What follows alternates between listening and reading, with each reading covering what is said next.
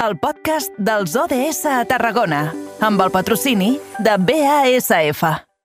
The United Nations is an organization with goals of peace and sustainable development around the world. Their mission is huge, but we're breaking it down in two minutes. 17 sustainable Moment per aturar-nos als estudis de BXC Ràdio. Allí tenim, com tots vostès saben, el nostre company Jonai González. Jonai, bona tarda, bon dijous. Bona tarda, bon dijous, Edu. Escolta, avui eh, tractem un ODS, un objectiu eh, concret. Eh, recordo que el primer repte de la temporada va ser eh, que te'ls aprenguessis tots de memòria, eh, ens vas fer una numeració, va quedar eh, claríssim eh, que, que te'ls sabies, vas aprendre, et van posar eh, bona nota. Avui és l'ODS número 16. Sí, no et sabria dir quin és el nom exacte, però sé del que parla. De pau, Ah, institucions això, és- socials... això, això, això, Sí, això és l'important. sí, sí, Di- sí. Digues, digues, digues, de pau... Institucions socials i no sé què era l'altra cosa. Crec que hi havia una altra cosa per allà, també. Ah, eh, haurem de repassar. Haurem de repassar abans de- De, de, de, de repassar. Escolta, parlem de, parlem de pau i d'un conflicte molt concret. Sí, d'un conflicte molt concret que està també molt, molt actual. Eh, precisament parlem d'aquest conflicte entre Rússia i Ucraïna i com ens podria afectar també a nosaltres eh, que aquest conflicte continuï en aquesta escalada de tensió. Per parlar d'això hem convidat a Pere Ortega, investigador i president d'honor del Centre de l'AS. Molt bona tarda. Hola, bona tarda. Bé, per tota la gent que ara mateix està fora de context, què és el que està passant ara mateix entre Ucraïna i Rússia? Bueno, més que, eh, no solament entre Ucraïna i Rússia, què està passant entre Rússia i Estats Units, que són els principals rivals en aquest conflicte, més inclús que Ucraïna, perquè Ucraïna està patint un conflicte intern de divisió entre la seva població, perquè, i ara m'estendré sobre aquest punt, perquè és una divisió de la població perquè hi ha una part importantíssima de la població que és prorussa i una altra part que és prooccidental. Eh? I per tant és un conflicte intern que ha tingut diversos episodis importants des de, eh, des de que es va acabar la, la Unió Soviètica en 1991 i que ha desembocat en, diguem així, una partició d'Ucraïna a la qual una, el govern, el que és l'Estat d'Ucraïna, no accepta i que no li quedarà més remei que acceptar, almenys és la meva opinió, perquè aquesta altra part de la, del territori ucraïnès està en part apoyat per Rússia, però és que la seva població majoritàriament són russos, de cultura russa, de parla russa, i que no volen estar en un govern prooccidental, sinó que volen estar dintre de l'esfera de Rússia. Aquest és el veritable conflicte. I aquí és on juga Estats Units, que ha estat apoyant aquest règim, aquest govern de Kiev, eh, que és prooccidental, i, eh, i, i, i ha generat el conflicte actual. Conflicte actual que Rússia vol apoyar aquests territoris que secessionistes que s'han separat d'Ucrània i que, a més, ja recordem que es va annexionar la península de Crimea. Uh -huh. Però abans, si vol, explico una mica el per què d'aquesta divisió entre la població. Sí, Perquè la història anava- compta. Sí, que Eh, dic, dic que anava a preguntar una mica sobre, sobre això, com s'ha arribat fins a... pregunta. Sí, que anava a preguntar precisament que com s'ha arribat fins a, fins a aquest punt, fins a aquest eh, punt d'escalada que, que la tensió està al, al, al màxim. Bueno, s'ha de remuntar molt, eh, diguem així, a les vicissituds que va viure Ucraïna quan eh, es va esclatar la Revolució Soviètica el 1917 i que posteriorment Ucraïna, va, que formava part eh, de l'imperi rus, eh, de l'imperi zarista, eh, doncs eh, va quedar annexionada dintre del que era la URSS. Eh, dintre, Ucraïna forma part de, dels mites històrics de, de, de l'imperi rus i de Rússia. Eh? I ben, una vegada ja estava dintre de la Unió Soviètica, va haver-hi aquells plans quinquenals que Joseph Stalin va imposar a la població agrària, a, a tots els camperols, i això va comportar que en 1932 hi hagués el, diguem, es requisessin totes les collites, i quan dic totes vull dir totes les collites d'Ucrània dels camperols. Això va provocar una mortandat enorme. Es parla, en tot Rússia i Ucrània, de, de més de 6 milions de morts. Eh? I, per tant, en Ucrània va ser-hi diversos milions els morts de fam. Allò va crear un gran ressentiment cap a Rússia. Però hi ha més vicissituds. La següent és Segona Guerra Mundial. Alemanya nazi invadeix Ucraïna i amb l'apoyo de grups potents nacionalistes pronazis, ucraïnesos, eh, eh, comença un extermini cap a la població prorussa que hi ha en Ucraïna, que és molt potent, eh, molt potent. Uh -huh. I també hi ha diversos milions de morts. Això què passa? Quan s'acaba la Segona Guerra Mundial, pues, Stalin eh, fa diguem així, d'aportar a molta part d'aquesta població eh, diguem que havia sigut pro-occidental, pro-nazi, els expulsa, expulsa els tàrtars de Crimea, expulsa a les minories jueves, a les minories polaques, i això ha creat pues, un ressentiment en part de la població. Uh -huh. A més, Crimea, que sempre ha format part de, de, de l'imperi zarista i també de Rússia, eh, eh, on tota l'aristocràcia zarista i burgesa i després tota la nomenclatura del règim comunista han anat sempre a estigueixar a Crimea, perquè és un, una península que toca el Mar Mort, vull dir, toca a, sí. a, a, pràcticament el Mediterrani, i allà hi ha diversos enclavaments que són molt importants per Rússia per l'actual també. Allà està la base marítima militar de Sebastopol, allí està Odessa, allí es va lliurar la, la batalla de Balaclava, allà es van fer els acords de Yalta després de la Segona Guerra Mundial, on Stalin es va reunir amb Roosevelt. O sigui, forma part de la història de, de, de, de Rússia. I un, un, en, crec que va ser l'any 1954, Nikita Khrushchev va tenir la, la idea de regalar, regalar la península de Crimea, que era russa, a la, República, a la República d'Ucraïna. La va regalar encara que estava poblada per russos eh, i població prorussa i de cultura russa eh, i de parla russa. La va regalar, no pensant mai que algun dia la URSS desapareixeria, esclataria sí. i que es formaria una república independent de Rússia.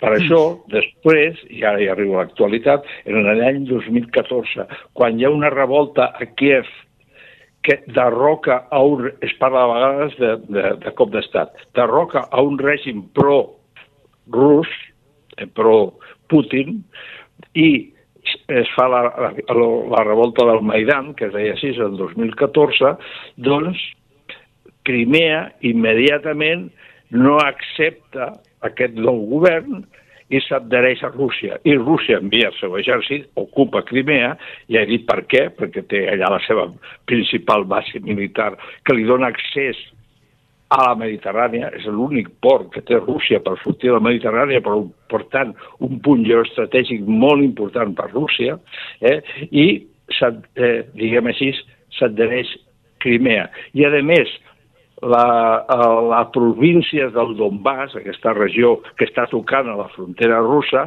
també de majoria de població prorussa i, i, i colonitzada per Rússia, també s'independitza d'Ucraïna, el, el govern d'Ucraïna no ho accepta, envia el seu exèrcit allà, ataca el Donbass i comença el, el conflicte intern dintre d'Ucraïna. Els, el, els secessionistes del Donbass recib, rebe, reben ajuda militar i, i voluntaris, inclús diríem que exèrcit des de Rússia, i es fan forts. I aquest és el conflicte que arriba fins als nostres dies. Llavors, mm -hmm. quin paper juga aquí Europa Occidental Aquí volia anar jo, senyor Ortega. De fet, jo, eh, jo li volia preguntar, davant d'aquest eh, conflicte històric que ara eh, ens ha eh, relatat amb, amb, amb molts detalls, eh, no hi ha hagut fins ara o no hi ha cap organisme neutral eh, que, que hagi decidit o hagi volgut o procurat posar pau amb aquests estira i arronsa tan contundents? Sí, Està molt bé sí. que hi hagi aquí Sí, eh, s'ha- aquesta, aquesta estratègia no? pels, pels punts per aconseguir un port, per aconseguir aquesta Sí. eh, sortida eh, o aquests eh, recursos, però, però això al final qui ho acaba patint és la població civil. A S'ha intentat, s'ha intentat. És més, es va fer, eh, hi ha uns acords eh, que eh, es van fer a Bielorússia, un, a Minsk, una, una, una trobada de pau en la que van intervenir Rússia, eh, els secessionistes, eh, la Unió Europea i Estats Units, i van arribar a uns acords de pau. Però el conflicte continua. Però que aquí, a veure, ja, ja hem explicat, Ucraïna, la seva població, la, la part occidental d'Ucraïna són pro-occidentals, la part oriental i el sud d'Ucraïna són pro-russos. Què ha fet la Unió Europea? Bueno, a l'Europa occidental i els Estats Units. Què ha fet? Pues ajudar a l'Europa, a l'Ucraïna occidental. I com l'ha ajudat? Enviant-li armament, eh, amb ajuda militar, eh, armant a l'exèrcit d'Ucraïna, per tant no ens, no ens podem queixar de que eh, Rússia també hagi ajudat a la, diguem, Ucraïna del sud i oriental, eh, per una banda. Per tant, d'alguna manera hem sigut actors també al costat d'una banda. I després aquí juga un paper molt important també Estats Units, que no s'ha de recordar, ai, no s'ha d'oblidar mai que la OTAN, eh, aquest organisme militar, està comandat, sempre ha estat comandat per Estats Units i és una peça clau en la geoestratègia dels Estats Units respecte a Europa i al món, perquè és un organisme multilateral mundial, eh, malgrat que opera principalment en Europa, eh, i opera per donar-li sentit a aquest organisme sempre al front de Rússia. Cal recordar que és la OTAN, a través dels Estats Units, que, que posa, no, no, primer, que va adherint a diversos països que havien estat en l'esfera antiga soviètica i s'incorporen a la OTAN. Això que fa? Que Rússia cada vegada se senti més acorralada i més amenaçada. Més amenaçada perquè en les seves portes se, se li instal·la un organisme militar que instal·la un escut antimíssils en Polònia i en Romania eh? un escut antimíssils quan abans existia un acord entre la Unió Soviètica antiga i Estats Units que, de, que es deia ABS, que impedia la instal·lació d'escuts antimíssils. Aquest acord el trenca Estats Units per instal·lar-lo. Això què vol dir? Que fa més vulnerable a Rússia, perquè l'acord aquell, el que estava previst era que si hi hagués un atac de tipus nuclear, eh, doncs es destruirien mútuament. Es deia un tractat de destrucció mútua assegurada. És una barbaritat, però era així. El qual vol dir, això impedia que hagués un atac. Si li instal·len un escut antimíssils, això què fa? Que Rússia se senti més amenaçada. Si la OTAN avança cap a les seves fronteres, se sent també més amenaçada. Uh -huh. Què pensaria els Estats Units si Rússia instal·lés un escut antimíssils en Cuba o en Venezuela? se sentiria amenaçada i no ho permetria. Però és el que està fent en aquest moment Rússia. Per tant, no queda més remei que rectificar d'alguna manera i impedir Sí, sí. que el conflicte d'Ucraïna esclati amb més virulència. Uh -huh. I cal arribar a acords. I senyor, Clar, què podem- senyor Ortega, un, Sí. què és el que depara el, el futur més immediat? Com, com, com se solu- solucionaria o, o si és imminent que esclati una, una guerra ara mateix? Jo crec, jo crec, en primer lloc, jo no crec que hi hagi guerra, perquè la interdependència entre Europa Occidental i Rússia és molt forta. Interdependència perquè depenem en bona part de l'energia que ve a través dels gasoductes que arriben des de Rússia a Europa. I, per tant, no li interessa a l'Europa Occidental cap conflicte en el centre d'Europa, conflicte armat, me refereixo. Que és una amenaça que Rússia hagi posat 100.000 homes en la frontera amb Ucraïna? Sí, és veritat, no ho hem de tolerar.